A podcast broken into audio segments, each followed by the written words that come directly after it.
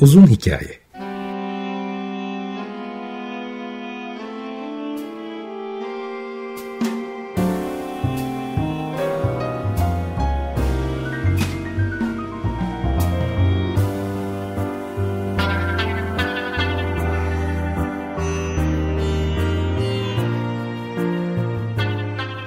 Hazırlayan ve sunan Muzaffer Çorlu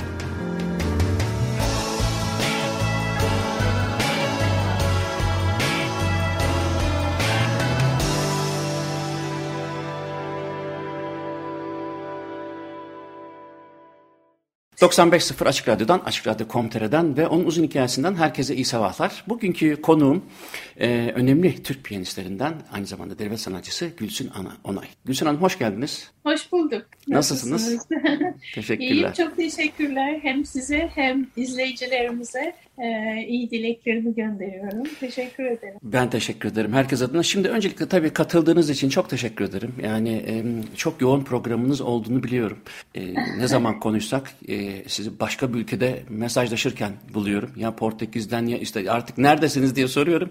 Neyse bugün uydurabildik. E, sizinle ilgili e, çok... E, e, güzel sorularım sorularım var. O sorularla beraber bir bir parça daha. Çünkü sizi zaten e, hemen hemen herkes tanıyor. E, dolayısıyla e, benim sorularım biraz daha belki de tanınmayan taraflarınıza e, ışık tutacak. Belki de e, Türkiye müzik dünyası ile ilgili bize bir takım ipuçları verilecek. Ama önce şuradan başlayalım. Siz e, size şunu sorayım. Siz, sizin Anneniz de babanız da müzisyendi değil mi? Babanız yanılmıyorsam Joachim Reusch ve anneniz de bir piyanisti ismi... Gülen Erem Reusch, evet. Ee, evet, Gülen. Evet. Şimdi e, herkes söyler müzisyen bir aileden gelmek e, büyük bir avantajdır. Ben bunu bilemiyorum çünkü ben müzisyenim ama müzisyen bir aileden gelmiyorum. Dolayısıyla sizden e, ki üç buçuk yaşında piyanoya başladınız ve kısa bir süre sonra da harika çocuk olarak da ilan edildiniz. E, bunun avantajını gördünüz mü gerçekten? Mutlaka görmüşsünüzdür ama bu avantaj e, size göre nasıl bir avantaj yarattı anne ve babanın e, müzisyen olmaları? Evet, e, e, sanıyorum bir avantajı yani müziğin aslında doğduğum andan itibaren hani günlük hayatın bir parçası gibi e, olması. Yani nasıl işte sabah kalkıp işte kahvaltı edip su içip sonra işte e, müzik yapıp sonra öğlen yemeği sonra yürüyüş veya e, yani müzik bütün bu yaşamın içinde e, hayatın bir parçası olarak yani hı hı. ayrı bir e, yapılan bir şey değil. Hı hı. E, belki bence en güzel tarafı o diye düşünüyorum. Çünkü e, tabii kıyaslama şansım yok. Yani müzisyen aileden gelmeyen pek çok e, çok son derece tabii ki e, kariyerinde değerli sizin gibi de müzisyenler var. Onların acaba hayatı nasıldı onu ben bilemeyeceğim ama hı hı. E, gördüğüm kadarıyla e, yani benim e, arkadaşlarım veyahut da işte meslektaşlarımdan e, edindiğim e, intivayı ancak verebilirim burada. Hı hı. E, onlar özel bir e, yani işte nasıl başka bir şey öğrenilir, işte başka bir e, dil öğrenilir veyahut da işte matematik ders yapılır. Müzik de öyle bir şeydi yani onlar için hani özel olarak gidip ders alarak işte öğrenilen sonra e, çalışılıp geliştirilen bir şey. E. Benim için böyle bir şey olmadı. Yani nasıl işte yemek yemesini öğrenmiyorsam müzik yapmasını da öğrenmedim. O şekilde öğrenmedim. Ee, bir yerde doğan kendi kendime çalmaya başladım. Çünkü annemin kucağında e, babamla işte birlikte çaldıkları e, sonatlarla ninni gibi bir taraftan büyüdüm. E, dolayısıyla böyle bir e, doğal gelişme oldu Hı-hı. diye düşünüyorum. Yani o, onun dışında başka bir e, kıyaslama yapamayacağım.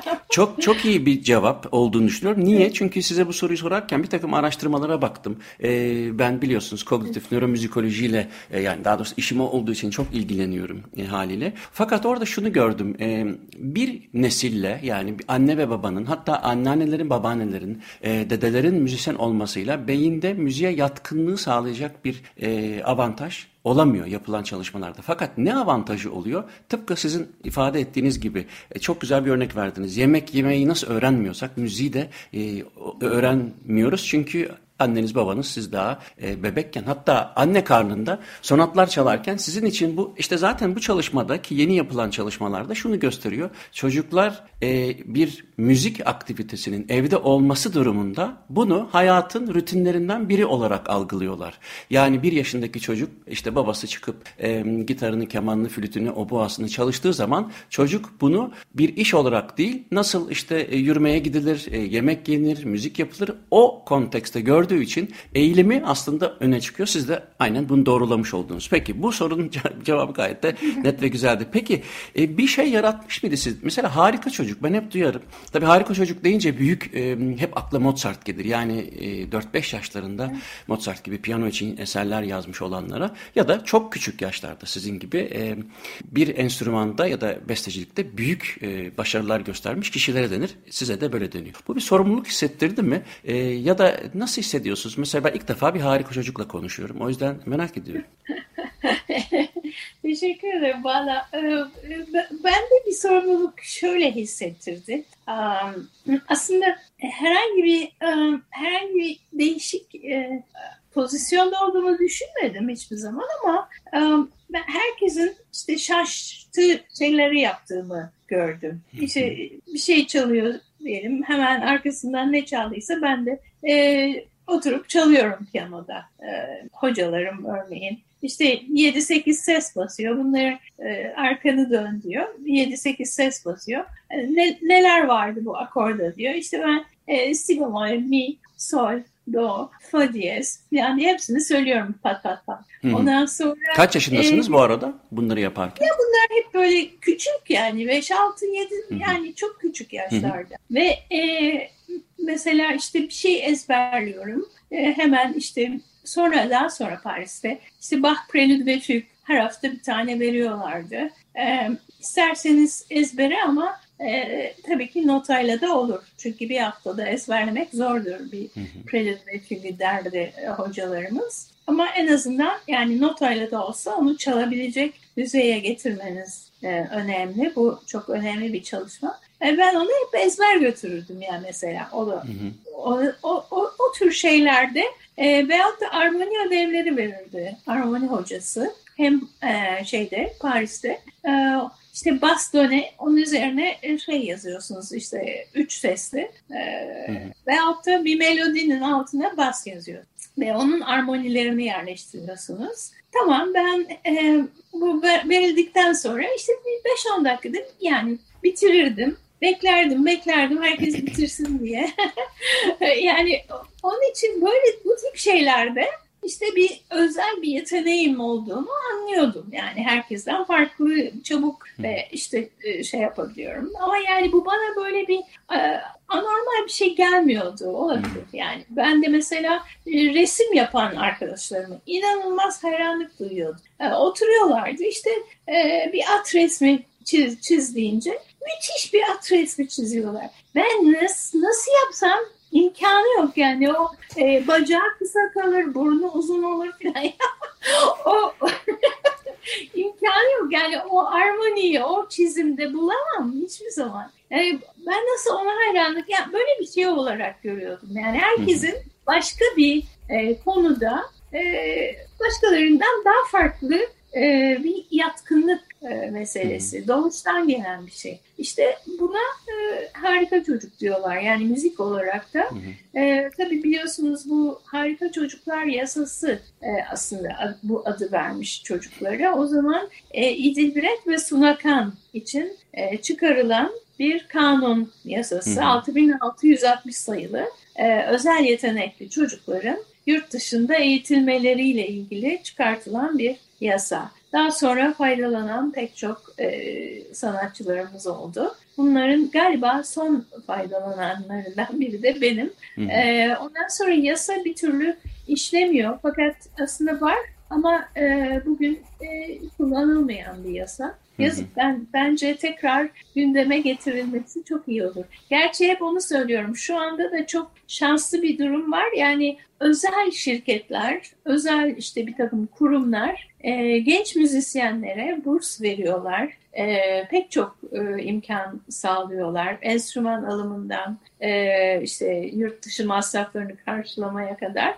E, bunların içinde özel şirketlerin dışında özel e, adının bile e, duyulmasını istemeyen e, bazı kişiler var böyle yardımlarda bulunan. E, bunlara e, işte biz biraz aracı olmayı da Gümüşlük Festivali olarak hı hı. E, çaba gösteriyoruz. Onların tanışmalarını sağlıyoruz. Şimdi şöyle bir şey var yani e, bizim alanımızda gerçekten e, eskiden beri başka ülkelere gidip seyahat etmek de önem taşıyor. Biliyorsunuz Mozart da işte e, Prag'da, e, e, Londra'da her yerde hem konser vermiş hem turneler yapmış. E, Mendelssohn bir süre İtalya'da kalmıştı. Çok etkilenmiş. İtalyan kültüründen aldığı e, o kadar çok ilham var ki hatta eserlerimde de isimlerini İtalyan senfonisi var değil mi? İtalyan senfonisi. E, aynı şekilde Liszt olsun, Chopin olsun yani bütün bu e, büyük müzisyenler başka ülkelerin de e, kültürlerini tanımakla kendi dünyalarını, kendi görüşlerini, repertuarlarını zenginleştiriyorlar. Aynı günümüzde olduğu gibi e, bir Japon piyanist bakıyorsunuz Juilliard'da okuyor. Bakıyorsunuz bir Amerikalı piyanist geliyor Paris'te e, bir süre e, o Fransız kültürünü almak için eğitim görüyor. Almanlar keza yani ve bizde de aynı şekilde bu, bu bakımdan yani genç sanatçının, genç yeteneklerin başka kültürlerle tanışması, yurt dışında da e, deneyimler kazanması önem taşıyor.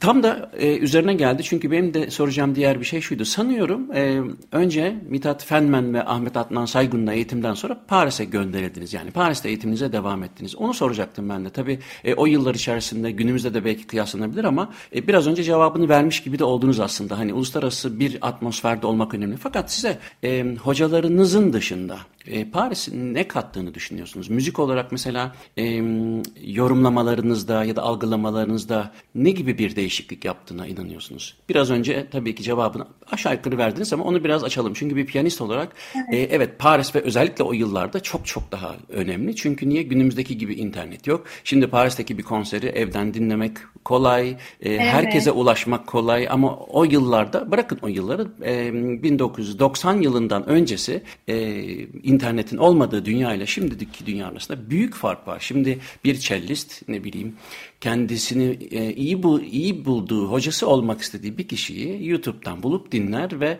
e, her şeyi oradan alabilir. Ama o yıllar öyle yıllar değil. Dolayısıyla sizin üzerindeki etkisini merak ediyorum. Şimdi muazzam konserlere gittim. İnanılmaz. Yani efsane e, müzisyenleri canlı dinleyebildim. E, bunların hı. arasında Sviatoslav Richter, hı. Michelangelo, e, Zifra, e, Samson François, yani gerçekten saymakla bitmez. Pollini, Margaret bunların hepsi böyle hatta e, bir, bir gün e, bazen öyle oluyordu ki bir konserin yarısına kadar dinleyip koşa koşa arada e, diğer konser salonuna gidip diğer konserin ikinci yarısını na yetişiyordum. Yani muazzam bir e, kültür. E, yani o, o dönem e, gerçekten efsane müzisyenler. Bunlar hem piyanist hem kemancı hem orkestralar. E, bu konserlere katılmak bana çok e, şeyler kattı diye düşünüyorum. Aynı zamanda ben e, çok sergi, e, müze e, ve hatta böyle ufak ufak galeriler e, vardır Paris'in sokaklarında çok sevdiğim. Oraları gez, gezerken de çok ilham aldım. Ee, işte Montmartre'da karikatür yapan sanatçıların yanında onları izlemek e, çok farklı bir deneyim. E, ondan sonra işte o görkemli, muazzam e, Louvre Müzesi'nin içinde gezmek, ondan sonra o e, Tuileries e, bahçelerinde e, aynı yerden çıkıp da e, doğayla e, birlikte nefes almak. Yani bütün bunlar çok çok ilham kaynağı oldu benim için. Yani müziğin dışında da büyük bir e, zenginlik var Paris'te. E, şu anda dediğiniz gibi o e, büyük müzisyenleri her yerde dinleyebiliyorsunuz YouTube'da canlı olarak. O çok büyük bir e, kazanç. Gençler için bence müthiş bir e, imkan. Çünkü e, sadece konserler değil, aynı zamanda master class'lar da yapıyorlar. E, işte ben bile şimdi bakıyorum ne kadar güzel imkanlar diyorum. Yani bizim dönemimizde böyle şeyler yoktu. Ona mukabil e, farklı şeyler vardı. Yani her dönemin ayrı zenginliği var. E, o bakımdan e, sanırım e, bu sanat dalları hakikaten asırlarca e, bütün insanlığı beslemeye devam edecek. O şekilde veya bu şekilde.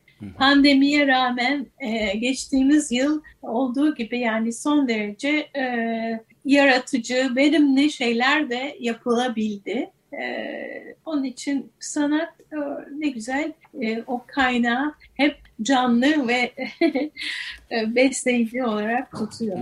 Peki şimdi sizinle ilgili olarak mesela benim okuduğum şeylerde ilgimi çeken bir şey oldu. Size onun açılımını size sormak isterim.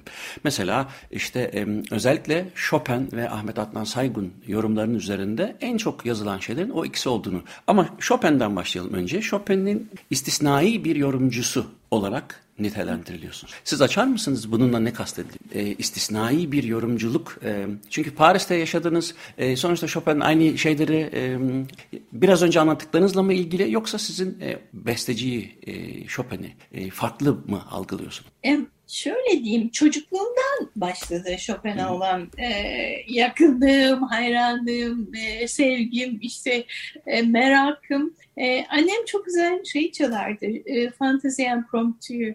O çalarken büyülenirdim yani bebekken e, o kadar aklımda yer etmiş ki e, hiç notasız bile kendim kulaktan çıkardım yani o daha küçük yaşlarda. E, ama öyle bir bağ oluştu ki e, ilk konserimde 6 yaşında ilk konserimi e, İstanbul Radyosu'nda verdim ve bir Chopin Vals çalmıştım o konserde de. E, ve e, yani, her eserini daha sonra e, böyle e, inanılmaz bir e, şeyle şöyle bir şey söyleyeyim. İşte ne demek istediğini veya neler hissettiğini adeta ben de anlıyormuş gibi bir şeyim var. Hı hı. Duygu var bende. Burada işte çok üzgün Chopin. Şu notalarda tamamen işte bir türlü itiraf edemediği aşkını e, burada bu notalarla söylüyor. Burada isyan ediyor. Çok acı çekiyor. Burada kızıyor yani ve çok şey yapıyor. Yani bütün bunları sanki o notalarda e, ben anlıyorum ve hissedi hissediyorum ve beraber sanki yaşıyorum onunla. Yani böyle bir e, her zaman onun eserlerinde çalışırken çalarken bu hislerim oldu. En son işte Portekiz'de verdiğim konserde e, üçüncü piyano sonatını seslendirmiştim. Oradaki pek çok müzisyen e, sonra yazdıkları güzel mesajlarla e, kutladılar ve hatta bir tanesi dedi ki gerçekten öyle bir ilham kaynağısınız ki bu üçüncü bölümde benim tutamadım, gözlerim sulandı. Yani etkilendim diye yazmış. Ben de çok mutlu oldum. Yani demek ki e, o hmm. şey devam ediyor günümüze kadar. Şöyle de bir şey var. Şimdi Chopin'in eserlerini ben hem e, bütün dünyada hem de Polonya'da da seslendirdim. Varşova'da e, kendi evinde çaldım. E, Varşova Filarmoni Orkestrası'yla çaldım. Pek çok farklı şehirlerde Polonya'da seslendirdim. Daha sonra da Polonya Devleti tarafından e, devlet nişanı verdiler bana. Bu Chopin'in eserlerini dünyada tanıtıma katkısı olan bir sanatçı olarak karar vermişler. İşte böyle bir e, ödül de benim için tabii çok değerli. Hı hı. İsterseniz e, bir Chopin arası verelim. Sizden Chopin'den ne dinleyelim? Sonra ikinci kısma geçeriz. Ah, tamam. E, bana hepsi olabilir. Nocturne olabilir, sonat, balad, polonez. o zaman Nocturne'u dinleyelim izin verirseniz. Ondan sonra söyleşimize devam edelim. Evet ikinci bölümde piyanist e, ve devlet sanatçısı Gülsün Onay'la birlikteyiz. İlk bölümde e, ilk eğitimini, anne babasının müziğe olan e, etkisini vesaire konuştuk. E, harika çocukluğun e, getirisini, götürüsünü e, konuştuktan sonra istisnai bir Chopin yorumculuğunun sebebini de kendisine sormuş olduk ama e, en önemli katkılardan biri, yanılıyorsam lütfen düzeltin, e, o da tabii ki dünya çapında bir Ahmet Adnan Saygun e, e, e, kayıtları yapmış olması. Bu gerçekten de e, bilinen e, kayıtlar. Çünkü dünya çapında derken ben çok dikkatli oluyorum. Çünkü o kadar çok şeye dünya çapında deniyor ki. E, o yüzden her şey dünya çapında oluveriyor. Benim kastım e, bu CD'lerin, plakların e, alınması, satın alınması ve bu yolla Adnan Ahmet Adnan Saygun örneğin tanınması. Şimdi sizin tabii e, Piyanoya başlama yıllarınızda da Ahmet Adnan Saygun vardı ve sonrasında da onun kayıtlarına yer verdiniz. Sizin için Ahmet Adnan Saygun'un özelliği nedir? Ee, ve özellikle e, Türk besteciler arasında onun eserlerini ağırlıklı olarak e, yorumladığınızı görüyorum. O yüzden soruyorum. Ama yanılıyorsam lütfen düzelterek cevap verin. Evet, teşekkür ederim. Ee, doğru söylüyorsunuz. Çok e, önemli bir yeri var Adnan Saygun'un. Hem yetişmemde hem e, yani genel olarak e, müzik temelini e, ondan aldım diyebilirim. E, ve e, aslında sadece müzik değil, dünya görüşüyle, düşüncesiyle, kişiliğiyle bana çok e, önemli bir yol gösterici olarak e, yani dokunmuştur. E, bütün kariyerim boyunca beni hep takip etti. E, bütün konserlerimden onu ben e, her zaman haberdar ettim. E, Türkiye'ye geldikçe sürekli e, yurt dışında yaşıyordum o dönemlerde de. Hep onu ziyaret ettim sohbetler ettik ve e, müzik üzerine, her şey üzerine. Yani tabii ki Ahmet Dada Saygun Türkiye'nin yetiştirdiği en büyük müzisyenlerden biri. Besteleriyle, e, yetiştirdiği öğrencilerle, çünkü çok da iyi bir e, hocaydı. Ve e, çok sayıda işte ta İlhan Osman baştan başlayıp Muammer Sungur, Hakan Renk Gökmen böyle bütün Türk e, diyelim müzik e, dünyasının önde gelen isimlerinin de hocası olmuş aynı zamanda. Şimdi onların öğrencileri de torunları olarak yine bir Adnan Saygun ekolünü e, devam ettiriyorlar. Yaptığı araştırmalar da çok önemli. Yazdığı kitaplar da çok önemli.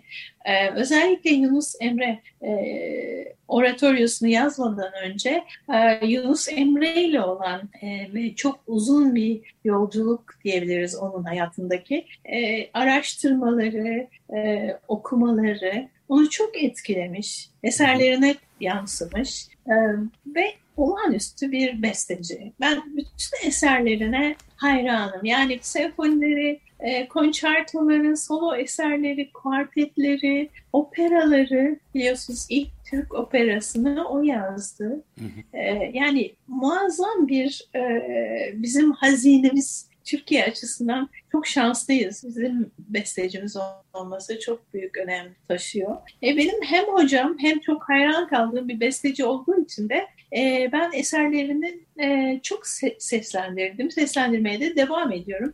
Bugüne kadar işte 80 e, ülkede, 5 kıtada 2500'e yakın konser verdim ve bu konserlerin çoğunda e, eseri yer aldı. Eğer programda yer almadıysa biz olarak e, çaldım. Onun için her zaman da büyük ilgi ve hayranlık e, duydu dinleyiciler. Yani e, hatta ilk defa dinlediklerinde bile o coşkuyu hissettiler ki bu çok önemli bir şey. E, aynı bir Tchaikovsky, Rahmaninov dinler gibi hani coşarak çok bildikleri bir e, eser dinliyormuş e, hissine kapılarak o şeyi alabilmeleri e, gösteriyor. Yani özellikle bunu hı hı. vurgulamak Peki, isterim. Ben e, hatırlıyorum 1980'lerin sonuydu. E, o zaman e, Almanya'daydım ve de bir e, Köln'de çok ünlü bir gitar e, mağazası vardı. Hem gitar, el yapımı gitarlar hem işte notalar vardı. Ben de oraya sıklıkla gider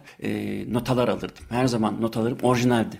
O yüzden. Ve o notaların arasında klasik gitar için bir etüde rastlamıştım. Etüt kitabına ince. Yanılmıyorsam Michael Teucher tarafından e, aranjmanı yapılmış. E, Ahmet Adnan Saygun İncir'in kitabı. O kadar şaşırmıştım ki. E, sonra baktım tamam hem bir e, tek solo gitar için hem duo gitar için. Sonra onu biraz araştırmıştım. Türkiye'de de bir sürü bazı bölümlerinin e, aranje edildiğini fakat Almanya'daki o e, full kitabın gitarı aranje edilmesi ve ön e, başlığındaki de e, ön yazısında da e, çok önemli bir şekilde bu eserlerin e, eğitim değerinin yani pedagojik değerinin yüksek olduğu yazıyordu. Şimdi ben bir piyanist değilim ama siz bir piyano virtüözüsünüz. Bu bağlamda İnci'nin kitabı gerçekten e, çok önemli bir e, metot mutlaka ama size göre neden İnci'nin kitabı eğer bana katılıyorsanız bu kadar önemli bir e, pedagojik kitap?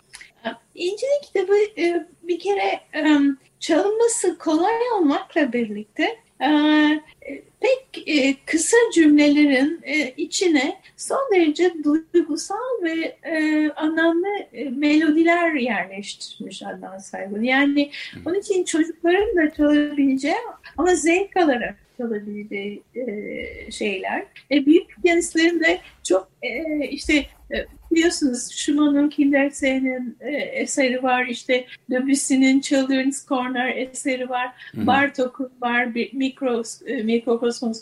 E, bu tür eserleri yalnız çocuklar değil, yani gelişmiş ve yani e, konser piyanistleri de repertuarlarını alıyorlar. Çünkü e, o kadar böyle masum, o kadar güzel ifade edilmiş, aynı zamanda e, işte küçük cümlelerin içine o kadar anlam yüklenmiş ki e, çok hakikaten kıymetli o bakımdan. Hı hı. Adnan Saygun'unki de aynı o şekilde çok değerli bir eser. Evet çocuklar e, için. Sonra tabii, evet. So, e, yani sonra tabii e, daha e, komplike işte etütleri var, işte prelütleri var. Tabii onlar e, çalınması teknik açıdan çok zor ama e, onlar da hem teknik hem müzikal açıdan e, son derece e, zengin bir yapıya sahip.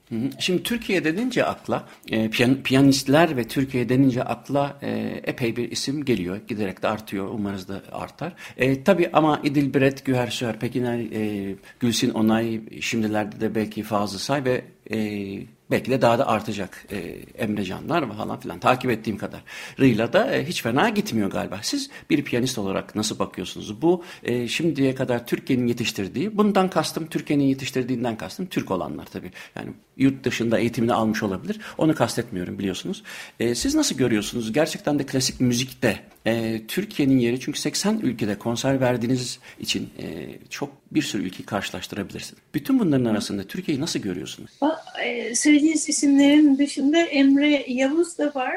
Emre e, mutlaka vardır. E, yani evet ve Can Çakmur e, Aa, Can, evet. Bir, Yeni bir ödül aldığını onu duydum. E, evet ve inanılmaz yani güzel çalışmalar yapıyor. Pek Hı-hı. çok ödüllere e, sahip olmuş ama aynı zamanda araştırmacı, son derece e, kültürlü, zeki. Yani insan e, hakikaten geleceğe dair e, bu gençlerimizi görünce bir e, hem gurur duyuyoruz, Türkiye'yi en iyi şekilde temsil ediyorlar. Hem de e, çok e, ülkemiz için çok önemli değerler e, yetişiyor. Ama bunların arasında daha böyle 10 e, yaşın üzerindeki e, müthiş parlak gençlerimiz de var.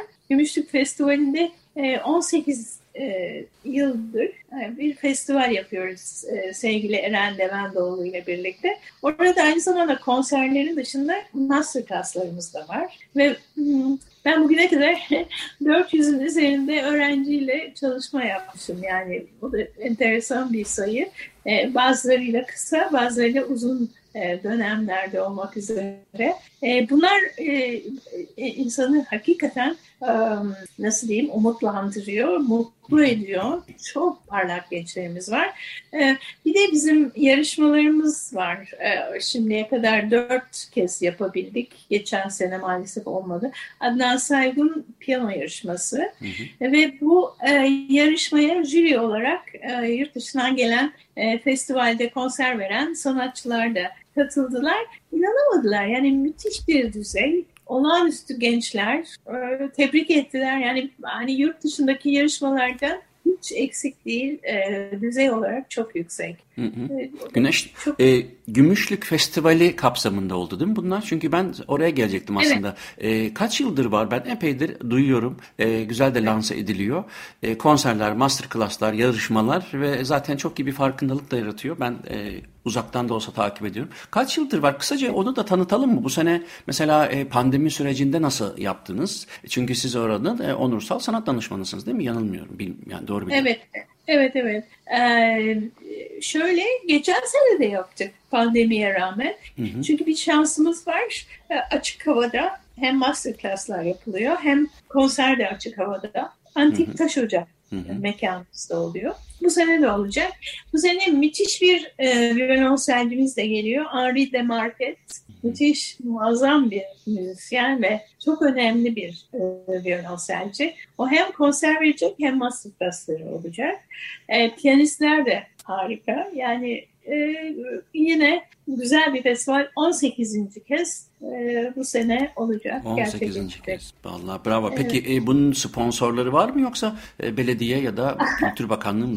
E, Valla o e, çok güzel bir e, noktaya değindiniz. Aslında e, e, her zaman sponsorluk yapan bazı kurumlarımız var. Bunlardan biri de e, Bodrum Belediyesi tabii. Kültür Bakanlığı'nın, Türk Hava Yolları'nın, e, ve bazı kurumların e, değişen miktarlarda hep sponsorlukları oluyor. Onlara Hı. çok minnettarız ama o yeterli olmuyor. Onun dışında tabii e, özel sponsorlarımız da var. E, her sene o konu biraz e, bizi zorluyor çünkü e, yurt dışından özellikle e, gelen sanatçıların karşılamak e, masraflarını e, giderek artan döviz kurlarıyla bazen bizi zorlayabiliyor ama e, her şeye rağmen Bizi çok destekliyorlar. Bu sene de çok destekliyorlar. Hepsine ayrı ayrı Teşekkür ederiz. Daha da çok desteklesinler çünkü Gümüşlük e, Piyano evet. Festivali gibi bir sürü e, yerelde de olan e, önemli festivaller e, bizim, var. Bizimki piyano değil, e, müzik festivali. Müzik yani, festivali. Evet. E, Cellist geldiğine göre anladım. E, tabii tabii evet yani orkestra bile geliyor. E, hatta çok güzel bir o antik taş ocağında e, portatif sahnemiz var. E, muhteşem bir atmosferde böyle arkada e, asırlık e, işte o şey e, taşlar e, Bodrum'daki e, kaç bin yıl önceki mauzoleum'un yapılması için oradan gitmiş bütün o taşlar. Yani çok enteresan, güzel bir mekan. E, bekleriz inşallah sizi de. İnşallah giderim mutlaka. Bu, evet. Şunun için söyledim, onun öneminin altını şunun için çizdim. Bütün bu festivaller e, aslında hani e, herkes şey sorar ne yapabiliriz işte çağdaşlık, muasır medeniyet. Bence müzik bağlamında söylüyorum işte bu festivallere çok büyük e, destek olmamız lazım. Tanıtmamız lazım. E, firmaların e, sponsorluk yap gerçekten bu konularda sponsorluk yapmaları gerekiyor. Yani e, şimdi tabii ki e, politik bağlamın dışında her ülke buna ihtiyaç duyuyor ama Türkiye'nin e, bir Avrupa'daki ülkeler kadar buna belki ayıracak e, bütçesi sınırlı olduğu için hem bu bilet geliş, e, gelirlerinden hem de firmaların sponsorluğuna çok ihtiyaç duyuyor. O yüzden buradan da umarım e, sizin sesinizi daha çok kişi duyar, duymayan kalmamıştır ama bir defa daha duysun ki e, Gümüşlük Müzik Festivali için belki destek olur. Şimdi ben bir şey soracağım. E, bunu merak ediyorum. Şimdi hmm, ben de hani Almanya'da doğup büyüdüm ama şimdi Belçika'da yaşıyorum. E, Türkiye'de de e, uzun yıllar yaşadım İstanbul'da. E, sadece Türkçe'de olan bir kavram mı gibi geliyor diye araştırdım. Devlet sanatçılığı. Şimdi e, baktım Belçika'da yok ya da onun çev çevirisi nedir yani state artist midir yoksa da national artist midir diye baktım ama e, yok. Bu sonra araştırdım dedim nedir ne değildir. Evet gerçekten de çok güzel duygularla çok iyi niyetlerle ortaya çıkarılmış en, azından devletin sanatçısının arkasındayım dediği ve bunu da e, bir kanunla tabii bunun parası pulu yok e, onuru ve şerefi var anladığım kadarıyla arkasında duruyor. Fakat e, sonradan 2000 yılında galiba e, bir takım mahkemeler açılmış. 2002'de geri mi alınmış oraları bilmiyorum. Siz dolayısıyla hala bir devlet sanatçısısınız değil mi? Bu elinizden alınmadı ya da hiç kimsenin elinden alınmadı. Doğru mu biliyorum? E, doğru evet bu bir ünvan. E, ben e, sanırım 87 yılında evet. bana birine verilmiş olan bir ünvan. E, o söylediğiniz dönemde e, bir karışıklık oldu. E, e, çok fazla kişiye e, işte evet. haklı haksız yere verildiği e, düşünüldüğü için e, tekrar geri alındı. Hı. Öyle bir dönem oldu. Hı. E, fakat normalde yani ilk devlet sanatçıları işte Ahmet Adnan Saygun, evet. Cemal Erkin, Mithat dönemde. Yani Türkiye'yi dünyada temsil eden devlet kurumlarında sanatçı kadrosuyla çalışan ama yani her devlet yani her e, devlet kurumunda çalışan sanatçı devlet sanatçısı değil böyle e, belli bir e, devlet sanatçısı ünvanı alan e, kişiler e, sanıyorum biraz da hani ülkemizde nasıl bir işte milli futbol takımı var, şu var, bu var, yurt dışında temsil ediyorlar. Bunu sanat alanında ülkemizin biraz da aslında bu tip bir eskiden e, Rusya'da vardı, farklı e, Doğu bloku ülkelerinde vardı. E, özellikle işte seyahatlerde e, onlar için kolaylık sağlanması bakımından o ünvana sahip olan kişiler ülkeyi temsil etmek için rahatlıkla pasaportlarıyla her yere gidip konser verebilmeleri için e, bizde de aslında seyahatlerimizde çok büyük kolaylık e, sağlıyorlar. Devlet sanatçısı ünvanı olanlara e, VIP'yi kullanmak, işte pasaporttan e, e, geçerken e, kolaylıkla işte seyahati e, gerçekleştirmeleri sağlanıyor. Onun dışında da e, çok onur verici, gurur verici güzel bir ünvan. Hı-hı. Dediğiniz gibi e, maddi bir gelir e, olmadan verilmiş olan bir ünvan. Ben ondan sonra o listeye baktığım zaman o 2000'deki sizin bahsettiğiniz karışıklığın sebebini anladım. Çünkü o kadar çok verilmiş ki e, isimlerini söylemeye gerek yok ama orada ben de gördüğüm kadarıyla merak ettim Türkiye'yi uluslararası hangi alanda temsil ediyor bu bazı kişiler diye baktım gerçekten. Sonra da onlar e, alınmış. E, ben kişisel olarak bunun e, yani iyi iyi olmuş diye düşünüyorum. Çünkü e, hakikaten Türkiye'yi e, dünyada yurt dışında yani temsil etmek e, güzel bir şey. Hele bir de e, sizin gibi e, onuruyla temsil ediyorsa ve bu Türkiye'ye bir e, katma değer sağlıyorsa tabii ki olmalı ama e, o galiba her konuda olduğu gibi birazcık istismar edildi herhalde. Fakat oradan da dönülmüş. Ondan sonra da bir daha zaten devlet sanatçısın diye bir e, ünvan verilmemiş değil mi? O zaman sonlandırılmış bu. Evet. Şimdi son konum da şey ee, özür dilerim. Son konum da şu. E, sizin sevdiğiniz piyanistler e, yorumunu, e, müzisyenliğini beğendiğiniz piyanistler hangisi? Bunlarla çalışma imkanınız oldu mu? Mesela biraz önce saydınız e, Poliniler, e, Michelangeli'ler. E, onlarla birlikte çalışma şans. Onları saydınız diye sizin e, favori piyanistiniz olarak ilan ettim şimdi ama tabii doğruysa bu. E, adı geçenler. Ee, şöyle e, yok yani um, onların konserlerini izledim ve çok Hı-hı. E, etkilendim. Ee, benim aynı zamanda genelde e, etkilenmiş olduğum piyanistler hayatta olmayanlar. Ee, Kimler mesela? Yani yani mesela tabii Rahmaninov'u yani piyanist olarak da çok e, muazzam buluyorum. Yani olağanüstü bir şey. E, Horowitz aynı şekilde. E, Clara Haskell, Dino Lipatti. Onlar da hayatta değiller. Çok beğendiğim piyanistler. Sviatoslav Richter, e, Gilels, Emil Gilels çok hmm. beğendim. Kemp, Wilhelm Kemp çok çok beğendim. Muazzam bir piyanist. E, özellikle Beethoven sonatları Wilhelm Kemp'in. Sonra e, Debussy ve Ravel e, yorumlarında en çok beğendiğim piyanist e, Gieseking yani Walter Gieseking e, müthiş bir tuş, en muazzam bir Siz geçen sene Beethoven'ın 250. yılı sebebiyleydi galiba. Ee, yeni bir albüm daha yaptınız CD değil mi? Beethoven. Ee, evet, evet, evet. Ondan ee, bahsederek şöyle... bitirelim isterseniz ve e, oradan da bir e, yorum yorumunuzla, bir Beethoven yorumunuzla bitirelim. O hem o CD'yi, öyküsünü hem de nasıl gidiyor onları merak ettim. Tabii.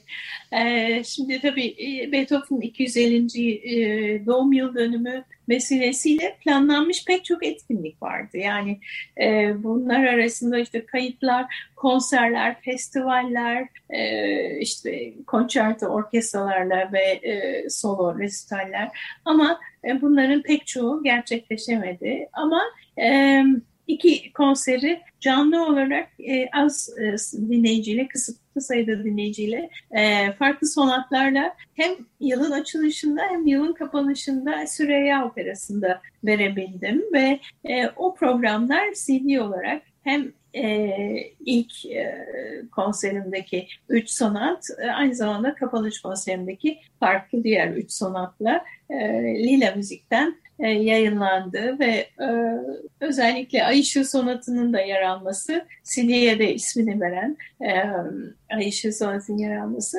benim için de çok mutluluk oldu. Çünkü ben genelde çok severek çaldığım bir sonat ama aynı zamanda bazen bislerde de e, çalarım ve bunu çok kez fark ettim benden hep istenen bir bis parçası olmaya başladı. Herkes onu benden dinlemeyi e, sevdiğini söyleyince e, o zaman dedim yani bu CD'de de yer alsın ve e, ben gene çalarım her zaman istediklerinde ama e, beni bulamazlarsa CD'den de dinleyebilirler. teşekkür ederim. Ben teşekkür ederim. O zaman sizin e, Beethoven'ın Ay Işığı sonatıyla e, bugünkü programı bitirmiş olalım. Bugün Gülsün Onay piyanist e, konuğumdu ve e, söyleşisi için tekrar teşekkür ederim Gülsün Hanım hakikaten. Katıldığınız için de ayrıca teşekkür ederim. Bana ulaşmak için Muzaffer Coğlu Gmail adresine yazabilirsiniz. Programın tekrarını Açık Radyo, Spotify'a ben de YouTube'a görüntülü olarak koyacağım. Haftaya görüşürüz. Hepinize günaydın.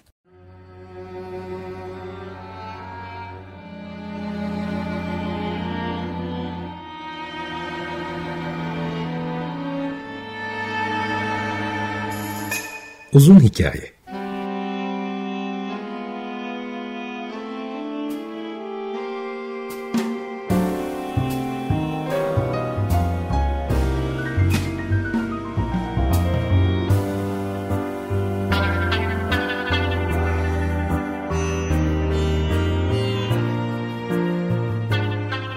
Hazırlayan ve sunan Muzaffer Çorlu